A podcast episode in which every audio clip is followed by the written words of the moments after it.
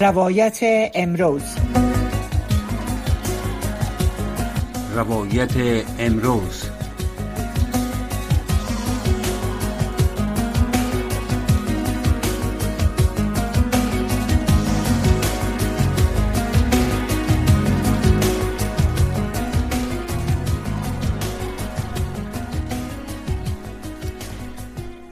شنوندای عزیز رادیو صدای امریکا سلام و وقتتان بخیر. امیدوارستم در هر کجای که هستین صحت و سلامت باشین و از گزند روزگار در امان باشین. باز هم برنامه روایت امروز است و در سی دقیقه آینده ما فرخنده پیمانی خدمت شما عزیزان در این برنامه با مهمانان گرامی قرار دارم. البته موضوع برنامه امروز موضوع خبرنگاران و اعتراض خبرنگاران در پاکستان می باشه. که دیروز یک گرد همایی بزرگ را در پاکستان برای انداخته بودن و همچنان مهمانان گرامی هم در این مورد داریم که با ایشان صحبت خود کردیم. یکی از فعالین حقوق بشر و یکی هم از جورنالیست های یا خبرنگارای افغان را با خود در این برنامه خواهد داشتیم. اما قبل از او می‌پردازیم به اندکی از جزیات در این مورد و بعدا مهمان های گرامی خود را در برنامه دعوت می‌کنیم. خب شماری از خبرنگاران و کارمندان رسانه افغان پس از تسلط طالبان بر افغانستان و پاکستان پناهنده شده بودند در یک گرد همایی اعتراضی از عدم توجه به پرونده های مهاجرتیشان توسط نهادهای حامی خبرنگاران انتقاد کرده و خواستار رسیدگی به او شدند. البته ای گرد همایی خبرنگاران روز یکشنبه 29 جنوری گفتند که در یک کنیم سال گذشته ده ها خبرنگار و کارمند رسانه ای از ترس و حراس طالبان به کشورهای منطقه پناه بردن و در حال حاضر در وضعیت دشوار و بی سرنوشتی به سر می‌برند. البته بر اساس آخرین معلومات گزارشگران بدون مرز از ماه آگوست سال 2021 به این سو جمله 543 رسانه 213 آنها بسته شده و بیش از 6400 خبرنگار با ویژه زنان شغل خود را از دست دادند در داخل افغانستان. پیش از این هیئت معاونت سازمان ملل متحد در افغانستان یا یونما گفته بود که پس از تسلط طالبان بیش از 200 مورد تهدید بازداشت خودسرانه و بدرفتاری با خبرنگاران را ثبت کرده است.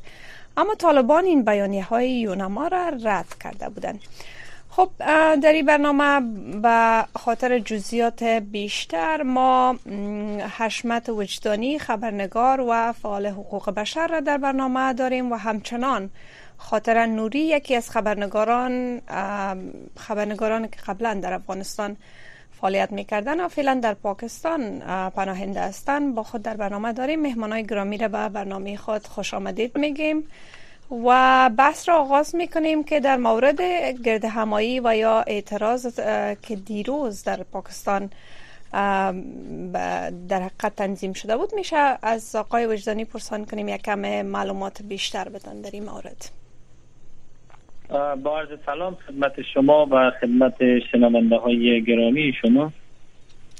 در قدم نخست می‌خوایم باید بگوییم که بعد از سقوط حکومت متاسفانه گروهی از خبرنگاران که قبلا در افغانستان وظیفه داشتن متاسفانه به کشورهای مختلف از جمله پاکستان با عنوان ای که از ترس که توسط طالبا بازداشت می شدن چندین بار تهدید شدن. اینا در پاکستان به سر می برند فعلا و این خبرنگاران تا یک گرد همایی اعتراضی نسبت بی که به پرونده های مهاجرتی اینا که از جانب یک تعداد از کشورها وعده همکاری سپرده شده بود برگزار کردند. و این خبرنگاران متاسفانه در پاکستان در یک وضعیت بسیار بده که با مشکلات اقتصادی اخراج و برگشتشان دوباره به افغانستان و آینده نامعلوم و همچنان عدم پاسخگویی نهادهای حامی خبرنگاران با این مشکلات متاسفانه در پاکستان روبرو هستند.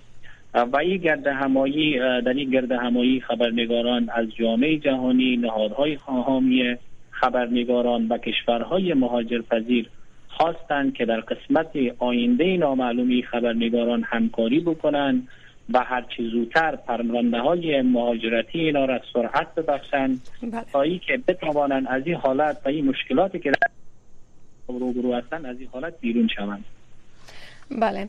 خب مهمان بعدی خود هم به برنامه خوش آمدید. میگم از اونا می‌پرسیم که در کل تعداد خبرنگاران میشه که خانم نوری شما بگوین در کل میشه تخمینی بگوین که تعداد خبرنگارا خبرنگارای زن در این میان به چی تعداد است و از چی وضعیت برخوردار هستند شما چون در جریان هستین.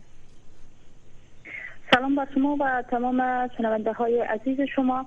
در رابطه با موضوعی که شما یادآور شدین به چه تعداد خبرنگاران زن از افغانستان بیرون شدن و بالاخره در کشور سوم که پاکستان است به سر می‌برند. حدودا بیشتر از اگر با تنها از خبرنگاران زن یادآور شدیم که در مجموع خبرنگاران زیادی در پاکستان هستند آواره هستند خبرنگاران زن هم حدودا نصف خبرنگاران مرد یا هم بگویم که چون اونا نمی‌تونن تنها سفر کنن و بیشترشان شاید در افغانستان هم باشن. حدود درصدی اگر بگیریم حدودا 40 درصد از مجموع خبرنگارانی که در پاکستان هستن و آمدن به خاطر مشکلاتی که در افغانستان داشتن اینجا آمدن حدودا 40 درصدش یادآور می‌تونیم که اونا خانم ها هستن. چون خانم ها قشر بسیار آسیب پذیر بودن در افغانستان که اونا از ترس و حراس طالبا فرار کردن و پاکستان آمدن و هنوز هم به سرنوشتی و سر می‌برن بله. خب میشه بگوین که به این تعداد را که شما گفتین در, در اگر مجموع خبرنگاران در نظر بگیریم چل درصد از اینا خانما هستن. آیا اینا با فامیل هستن یا ای که تنها اینا تانستن که از افغانستان خارج شوند و فامیلایشان هنوز هم در داخل افغانستان است. یکم میشه بیشتر معلومات بتین وجه اشکار است در افغانستان. ویزه های پاکستان است که مشکل مشکل است دریافت خود ویزه خبرنگارا تنها آمده باشند. مثلا ما خودم تنها آمدیم. دوستایی که اینجا با ما هستن از خانم ها تنها آمدن. چون اونا نتونستن که فامیلای خدا از افغانستان بکشن به خاطر که ویزی که دریافت میشه از طرف پاکستان اولا که ویزا نمیتون بعدش هم که در بازار سیاه قادر به گرفتن ویزا شوند او ویزا ها بسیار گذاف بلند است. و بیشتر هم هست که با فامیلای خود آمده با های خود خودان آمدن که در پاکستان باشند چون اگر اونا دوباره نمی‌تونن برن افغانستان خدا نبکشن. حالا باید بکشن اونا قانونی باید باشه یا غیر قانونی. وقت مجبوریت سر یک انسان بیایه اونا از هر راه استفاده می‌کنن. بعضا با فامیلای خود آمدن بعضی هم تنها آمدن. حالا در این میان من نمی‌تونم برای شما شما را دقیق بودم که چقدر بله. اینا با فامیل آمدن یا هم با یا تنها آمدن. چون در پاکستان خبرنگارانی که هستند در مناطق و در جاهای مختلف زندگی می‌کنن همینجا هستن. فقط بعضا گرد همایی هایی که اینا ایجاد می‌کنن. با هم یک جا میشن و یک گرد همایی که قسما اشاره کردین اعتراضات است که اونا به خاطر دادخواهی برپا می‌کنن و در اونجا با هم یک جا میشن. بله. خب برمیگردیم با آقای وجدانی. میشه کمی در مورد روند process قضایا و یا پرونده های مهاجرتی این خبرنگاران کم معلومات بتین آیا روند کاملا متوقف است؟ هیچ پیشرفت در زمینه case های ازینا صورت نگرفته یا ای که کیسایشان در جریان است؟ ولی به که زمانگیر است و به لحاظی که سلسله مراتب که باید کیسایشان تایی بکنه با اون لحاظ اینا منتظر ماندن. ما قبل از اینکه به موضوع بپردازم می‌خوایم یک تفسیر کوچکی در مورد خبرنگارایی که در پاکستان وجود داره در مورد تعداد خانمایی که شما گفتیم چه تعداد وجود داره. می‌خوایم یک معلومات بتم تا جایی که من در جریان هستم یک database منظم توسط خبرنگاران افغانستان در تبعید و دیار پاکستانی که زندگی می‌کنن یک database منظم وجود داره. در حدود 130 تا 140 خبرنگار در این database ثبت هستند. که این database تقریبا بسیار شفاف از process کسایی که با عنوان خبرنگار ثبت میشه در database باید reference داشته باشه باید در, در مورد تجربه کاری اونا باید معلومات ارائه بکنه. بعدا باز او افراد ثبت میشه در این database و در ضمن مشکلاتی که شما گفتین موردی که متاسفانه خبرنگارا فعلا در پاکستان به مشکلات بسیار جدی مواجه هستند. و تا جایی که ما با اونا در تماس هستم اولین مشکل مشکل اقتصادی است. شما ببینید یک تعداد از خبرنگارایی که از از افغانستان آمدن بنا به تهدیدات بسیار جدی جانی که اینا مواجه بودن. اینا آمدن بیکار هستند زمینه کاری وجود نداره که اینا کار بکنن. بنا اقتصادی بسیار شدید اینا رنج می‌برن. و از طرف دیگه یک تعداد زیاد از اینا طوری که شما در جریان هستن ویزه که پاکستان صادر می‌کنه سه ماه و, و بسیار کمی است که شش ماه ویزا بر از اینا. اینمی ویزا زمانی که مدت اینا تکمیل میشه در قسمت تمدید ویزا اینا به یک چالش بسیار بزرگی مواجه هستند. اگر اول خوب تمدید نمیشه اگر تمدید شد باز اینا جریمه میشه. یک پول گذافی را باید بپردازن تا دوباره ویزا ها تمدید شود بله. نظر به اعلامی اخیری که از طرف وزارت داخله پاکستان نشر شد. این خبرنگار از نگاه روانی به حدی زیر فشار هستند اگر بازداشت شوند مثل که شما در در بعض مناطق دیگه دیدن.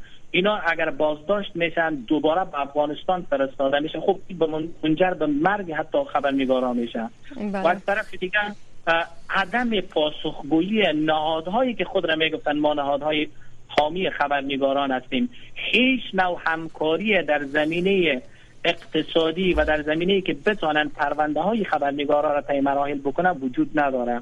اطفال خبرنگاران متاسفانه بیش از یک سال میشه به سر می‌برن نمی‌تونن مکتب برن. و از طرف دیگه با یک تعداد از خبرنگارا که اونا میگه که پاسپورت های ما وقتش تکمیل شده. تمدیدی پاسپورت ها شما در جریان هستین که سفارت افغانستان در در پاکستان از 100 تا 150 دلار به خاطر تمدیدی پاسپورت ها می‌گیرن و از اقتصادی که در پاکستان خود پاکستان به اونا روبرو هستند. اوج مثلا امو قیمتی در اینجا به وجود آمده. بله. که حتی این خبرنگارا یعنی نمی‌تونن که سه وعده غذایی خود را تامین بکنن برای بله. خانواده های خود آقا وجدانی میشه در مورد از این بگوین که آیا نهادهای حامی خبرنگاران و نهادهایی که مانند دفاتر یونیسیار برای پناهندگان و بیجا شدگان کمک می‌کنه آیا بر از این دفترها مراجعه شده نشده؟ چی میگن؟ پاسخشان چی است؟ آیا کمک صورت گرفته یا خیر؟ دفتر متاسفانه هیچ نوع همکاری در این زمینه انجام نداده. تا به این لحظه که من با شما صحبت می‌کنم. حتی شما ببینین دفتر یونیتیار و دفتر شارپ که با یونیتیار کار می‌کنه کسایی که به عنوان مهاجر در پاکستان زندگی می‌کنه باید در اونجا ثبت نام بکنن تا حداقل یک نامه ای را دریافت بکنن که اون نامه زمین سازی بکنه. اگر احیانا ویزا تمام میشه و اون نامه باعث شود شما بتونین به عنوان یک پناهجو در پاکستان بله. زندگی بکنین متاسفانه اینمی مورد بسیار به کندی پیش میره. هیچ نوع همکاری که یونیسیار باید در این عرصه بکنه. متاسفانه هیچ نوع همکاری نمالی و نه در عرصه پرونده های خبرنگاران در پاکستان متاسفانه تا جایی که من در جریان هستم انجام ندادن بله جوابشان چی است وقتی که شما مراجعه می‌کنین؟ آیا هیچ جواب نمیتن یا ای که حداقل مراجعه که می‌کنین کاغذ پرانی می‌کنن؟ چی از جوابشان؟ اینا یک روند دارن. روندشان قسمی از زمانی که شما مراجعه می‌کنین یک شماره تماس برتان میدن. میگه با شماره شما تماس بگیرین و به گفته خودشان appointment یا همون قرار ملاقات بگیرین وقتی که شما تماس می‌گیرین برای شما میگه که دو ماه سه ماه بعد بیاین وقتی که دو ماه بعد مراجعه بکنی یک مصاحبه می‌کنن و بعد میگه که منتظر باشین تا از دفتر UNHCR برای مصاحبه دوم شما خواسته شدین ما با یک تعداد از دوستایی که در تمام تماس هستن میگه هشت نو بار ما سپری کردیم تا به خاطر مصاحبه بعدی دفتر یونیسیال با ما هیچ گونه تماسی گرفته نشده. در کل در کل هیچ نوع نهاد متاسفانه وجود نداره که بتانه با وضعیت بد یعنی خبرنگارانی که در پاکستان زندگی میگردن با عنوان صدای مردم هستند روزگاری خبرنگاران صدای مردم بودند اما امروز به صدا شدن. امروز کسی نیستن که صدای اینا را بشنوه متاسفانه. بله. خب رفتار و رویه عملکرد خود دولت پاکستان چگونه است؟ با با, با خبرنگاران و در کل با افغان هایی که پناهنده شدن به این کشور. خب طبعا یک روندی است در, در, در, در هر کشوری که شما باشین. شما اگر به عنوان یک مهاجری که ویزا دارین پاسپورت دارین اگر در یک کشور زندگی می‌کنن مشکلی وجود نداره. اما اگر روزی بی می این ویزا ها مثل که من پیشتر براتون گفتم در قسمت تمدید اینا هیچ در قسمت تمدید کردن ویزا ها بسیار مشکلات وجود داره. وجود ندارن اگر اینا توسط پلیس بازداشت میشن نظر وجود دارن. طبعا اینا به زندان میرن مثل که شما می‌بینید که تعداد زیاد از افغان مدت حتی سه ماه چهار ماه تا یک سال در زندان ها به سر بردن. خب وقتی که زندانی شدن شما را طبعا می‌گیرن و اخراج می‌کنن و بالاخره دوباره تسلیم طالبان میشن در افغانستان که در اون زمان باز بله. خطر تهدید جانی وجود داره. دوباره اینا ممکن بازداشت شود اکثریت خبرنگارا شکنجه شود و بالاخره احتمالی وجود دارن که منجر به مرگشان شود. بله. خب سوال بعدی متوجه خانم نوری میشه. خانم نوری شما در اونجا زندگی می‌کنین و این مدت تقریبا بی سرنوشت و شما و مانند شما دیگر خانمایی هستند که با گفته آقای وجدانی روز صدای مردم بی صدا بودین و تمام احوال و اوضاع افغانستان را به گوش مردم و جانیان میرساندین. اما خودتان فعلا در وضعیت دشوار قرار دارین. چی تقاضا دارین از نهادهای حامی خبرنگاران و در کل؟ آیا خواستتان است که به کشورهایی که حداقل بتانین دوباره فعالیتتان اثر بگیرین یا یا ای که شما می‌خواین که وضعیتتان بهتر شوه و به کشورهای به کشور خود پس دوباره بر بگردین خب راجع به سوال شما یادآور شوم که قسمی که قبلا همکار بسیار خوب ما یادآور شدن. خبرنگارایی که در افغانستان از افغانستان و پاکستان آمدن و یا هر کشور دیگری از کشورهای همسایه رفتن اونا به خاطر مشکلات رفتن که در افغانستان برایشان ایجاد شده بود یا ایجاد می‌کردن که حدودا شما هم شاهدش هستین رسانه ها در کل شاهد هستن که در افغانستان با دوباره آمدن طالب ها رسانه ها و خبرنگارا کسانی که در عرصه آزادی بیان کار می‌کردن با چه مشکلات روبرو شدن لطکوب شدن زندانی شدن کشته شدن و که تونستن سر خود را از افغانستان بیرون کنن برن به یک کشور دیگری که مثل که ما آمدیم در پاکستان.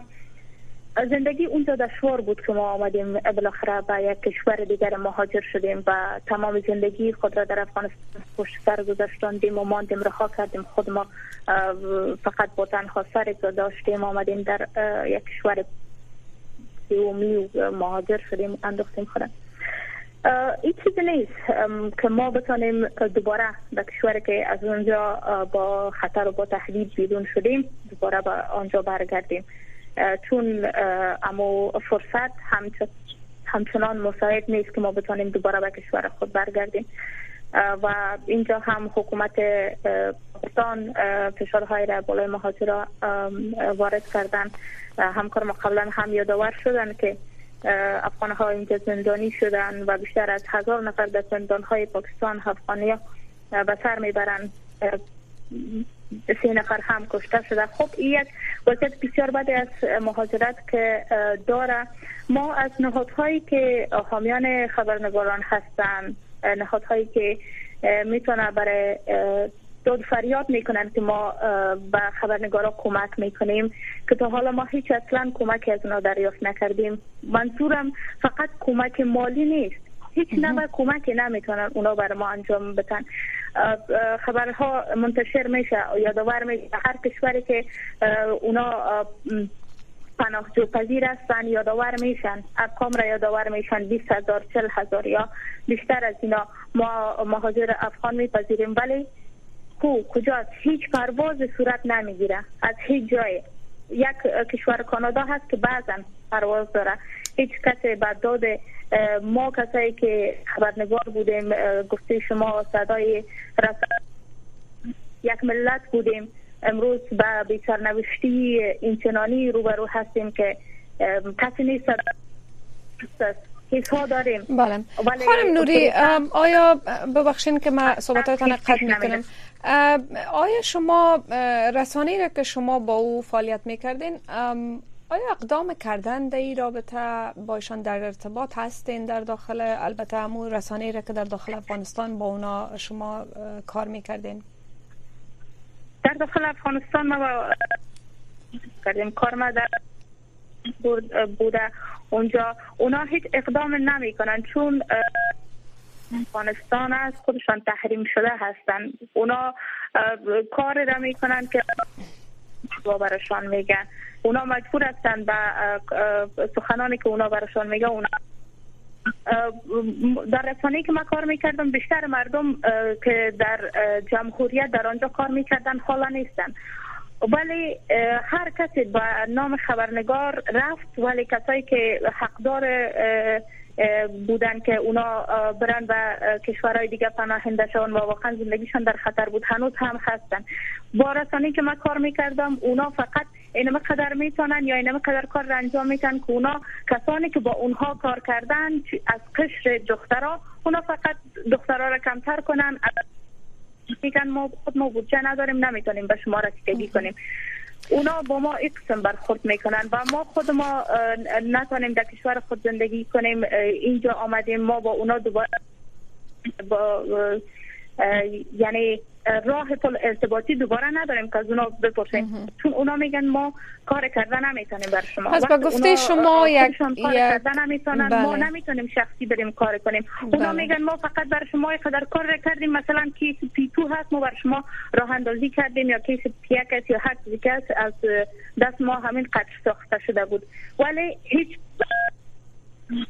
کیس پیک است حالا پیتو است یا دیگر های به کشورهای غربی هست روند کند است؟ هیچ اصلا پیش نمیره بله. خب برمیگردیم با آقای وجدانی. آقای وجدانی شما چی فکر می‌کنین؟ آیا روند پیشرفت قضایا و پرونده های مهاجرین افغان تمامش یکسان است یا ای که برای بعضی از افراد مثل بعض بخش قضایی و سالانولی اکثرا افغان ها هم به پاکستان هستن و اونا هم اکثرش منتظر پروندهشان هستن که نهایی شوه و کیس مهاجرتشان اینا هم برن برای کشورهای مثل امریکا بیاین و یا که کانادا و بعض از کشورهای اروپایی. فکر می‌کنین که روند یکسان پیش میره یا ای که برای خبرنگاران متفاوت است نسبت به دیگه اشخاص افرادی که در معرض خطر بودن؟ تا جایی که من معلومات دارم به خصوص افغان بیشتر افغانایی که در پاکستان زندگی می‌کنه با اینا در تماس هستم. مثل که شما تذکر دارین از جمله ساران بالان از جمله مثلا وکلای مدافع بله. یا مثلا نظامیان سابق و کارمندایی که در اسای مختلف در افغانستان کار می‌کردن. مثل که شما گفت اکثریت ها بسیار ضعیف شده. من نمیفهم که دلیل چی است. با یک تعداد از خانواده هایی که اینا مهاجرت به کانادا داشتن ما با اونا صحبتی داشتم. اونا گفتن که حدود 5 6 ماه میشه که تمام کارهای ما تکمیل است و ما در هتل زندگی می‌کنیم و آماده انتقال به کانادا هستیم. اما چندین ماه بیطرف هیچ نوع پروازی که بتونه اینا را انتقال بده به کانادا وجود نداره. و به ترتیب در عرصه که شما تذکر دادن مثل سارنوالا و وکلای مدافع یک تعدادی که case های اینا تقریبا نهایی شده بوده انتقال کردن. اما یک تعداد دیگیشان با وجود که case هایشان تمام شده اما متاسفانه در بی سرنوشتی به سر می‌برند منتظر هستند. مثل که همکار ما پیشتر تذکر دادن یک تعداد زیادی از اینا case های P یک و P دو به ایالات متحده آمریکا دارند. که اینمی case ها در شروعی که ایالات متحده آمریکا تعهد سپردن بین 12 تا 18 ماه را در بر می‌گیرند اما متاسفانه 15 و 17 ماه هیچ نوع آثاری از این وجود نداره که دفتر باید در اینجا فعالیت های خود را آغاز بکنه که اینمی case ها را حداقل process بکنه. اما وجود نداره اینمی دفتر. تا جایی که من با این دوستا در تماس هستم. بنابراین این نشان میده که دنیا به یک نحو توجه خود را نسبت به افغانستان بیشتر معطوف ساخته به تحولاتی که در اوکراین به وجود آمده و به خصوص تحولات اخیری که در ایران به وجود آمده. یعنی این دو موضوع باعث شده تا جایی که من فکر می‌کنم نسبت به قضای افغانستان بیشتر به این دو تا کشور توجه صورت بگیره. اما متاسفانه مردم افغانستان به باد فراموشی سپرده شدن. خب برمیگردیم به خانم نوری. چی فکر می‌کنین؟ البته شما مشاهده می‌کنین امی وضعیت را که در فعلا وضعیت افغان را که در پاکستان جریان داره. مصارف و هزینه روزانه خود را از کجا تعمین می‌کنن؟ البته یک ماه و دو ماه نیست. ماه ها میگذره و تقریبا تقریبا یک و نیم سال نزدیک یک و نیم سال است که طالبان در افغانستان حاکمیت دارن و از او زمان ممکن در طول زمان خبرنگاران از افغانستان خارج شده باشند. در این مدت زمان وقتی که نهادهای حامی خبرنگاران و دیگر نهادهای کمک رسانی کمک نمیرسانه اینا چگونه تامین می‌کنن؟ آیا کار می‌کنن در اونجا؟ زمینه کار مساعد است برشان یا یا خیر؟ مخصوصا خانما قبلا بازتون میگم که بعض نهادها بودن برای اینا کمک می‌کردن. کمک مالی می‌کردن بعض نهادها بودن که برای اینا کمک مالی می‌کردن. و اینا از اینا پول تقریبا پول دریافت می‌کردن که بتانن روزگار روزانه خود را به پیش ببرن و از قبیل مصارف روزانه و کرای خانه و این موارد. ولی در این اواخر در این سیمای پسین همین نهادهای خبرنگاران که هست اینا هم کیس هایی که به اونا میره در هایی که به اونا میره می‌کنن و میگن که یا ما بودجه نداریم یا نمی‌تونیم به درخواست های شما رسیدگی کنیم. بعضا مجبور است امی گروه هایی که اینجا ساخته شده با همدیگه کنن یک دستگیری می‌کنن بعضی کسانی که کار دارن یا اینجا هم می‌تونن بعض فعالیت با همدیگه دستگیری می‌کنن کمک هایی را می‌کنن با همدیگه و بعض خانم ها کار می‌کنن اینجا.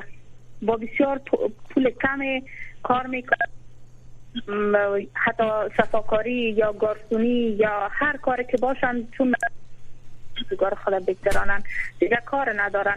چند وقت پیش یکی از همین خبرنگارا در پاکستان بودن. نامشان دقیق یادم نیست که یک خبر در گروه نشر کرده بودن که اونا حتی بله. حاضر به بودن که گرده خود بفروشن. یعنی این بسیار وحشتناک است. یک انسان در دیار مهاجرت از مجبوری قدر مجبور شوه قدر مجبور شوه که حتی اعلان کنه که ما اگر کس گرده کار داره ضرورت داشته باشم بر ما زنگ بزنین. ما گرده خودم میفروشم بله.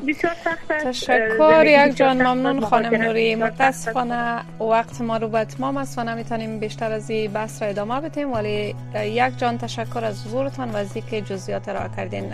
با آقای وجدانی از شما هم یک جان تشکر.